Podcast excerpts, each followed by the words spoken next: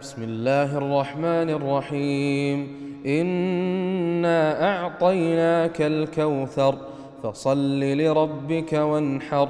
إن شانئك هو الأبتر. بسم الله الرحمن الرحيم. الكوثر قيل هو الشيء الكثير والمشهور أن الكوثر هو نهر. أعطيه النبي صلى الله عليه وسلم في الجنة. إنا أعطيناك وهو غير الحوض الذي يعطيه النبي صلى الله عليه وسلم. فصل لربك وانحر. اشكر الله تبارك وتعالى بالصلاة له وبالنحر له وهو النسك. قل إن صلاتي ونسكي أي نحري لله تبارك وتعالى. ولا يجوز لأحد أن يصلي لغير الله ولا أن ينحر لغير الله. هذه عبادات لا تصرف إلا لله وحده سبحانه وتعالى. إن شانئك هو الأبتر. وقيل إنها نزلت في العاص بن وائل السهمي.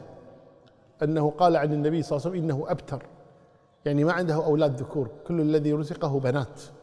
ومعلوم أن النبي صلى الله عليه وسلم رزق زينب ثم رقية ثم أم كلثوم ثم فاطمة. صلوات ربي وسلامه عليه. ولم يرزق بالأولاد إلا بعد ذلك. بالقاسم وعبد الله وإبراهيم متأخر في المدينة صلوات ربي وسلامه لكن في مكة كان رزق هؤلاء البنات. وأيضا رزق عبد الله والقاسم في مكة لكنهما ماتا صغيرين. فكان يقول له العاص بن وائل السهمي يقول ما لكم وهذا الأبتر؟ يعني الذي سينقطع نسله لأنه ليس عنده أولاد ذكور. فأنزل الله تبارك وتعالى إن شانئك مبغضك هو الأبتر. الأبتر من رحمة الله تبارك وتعالى. نعم.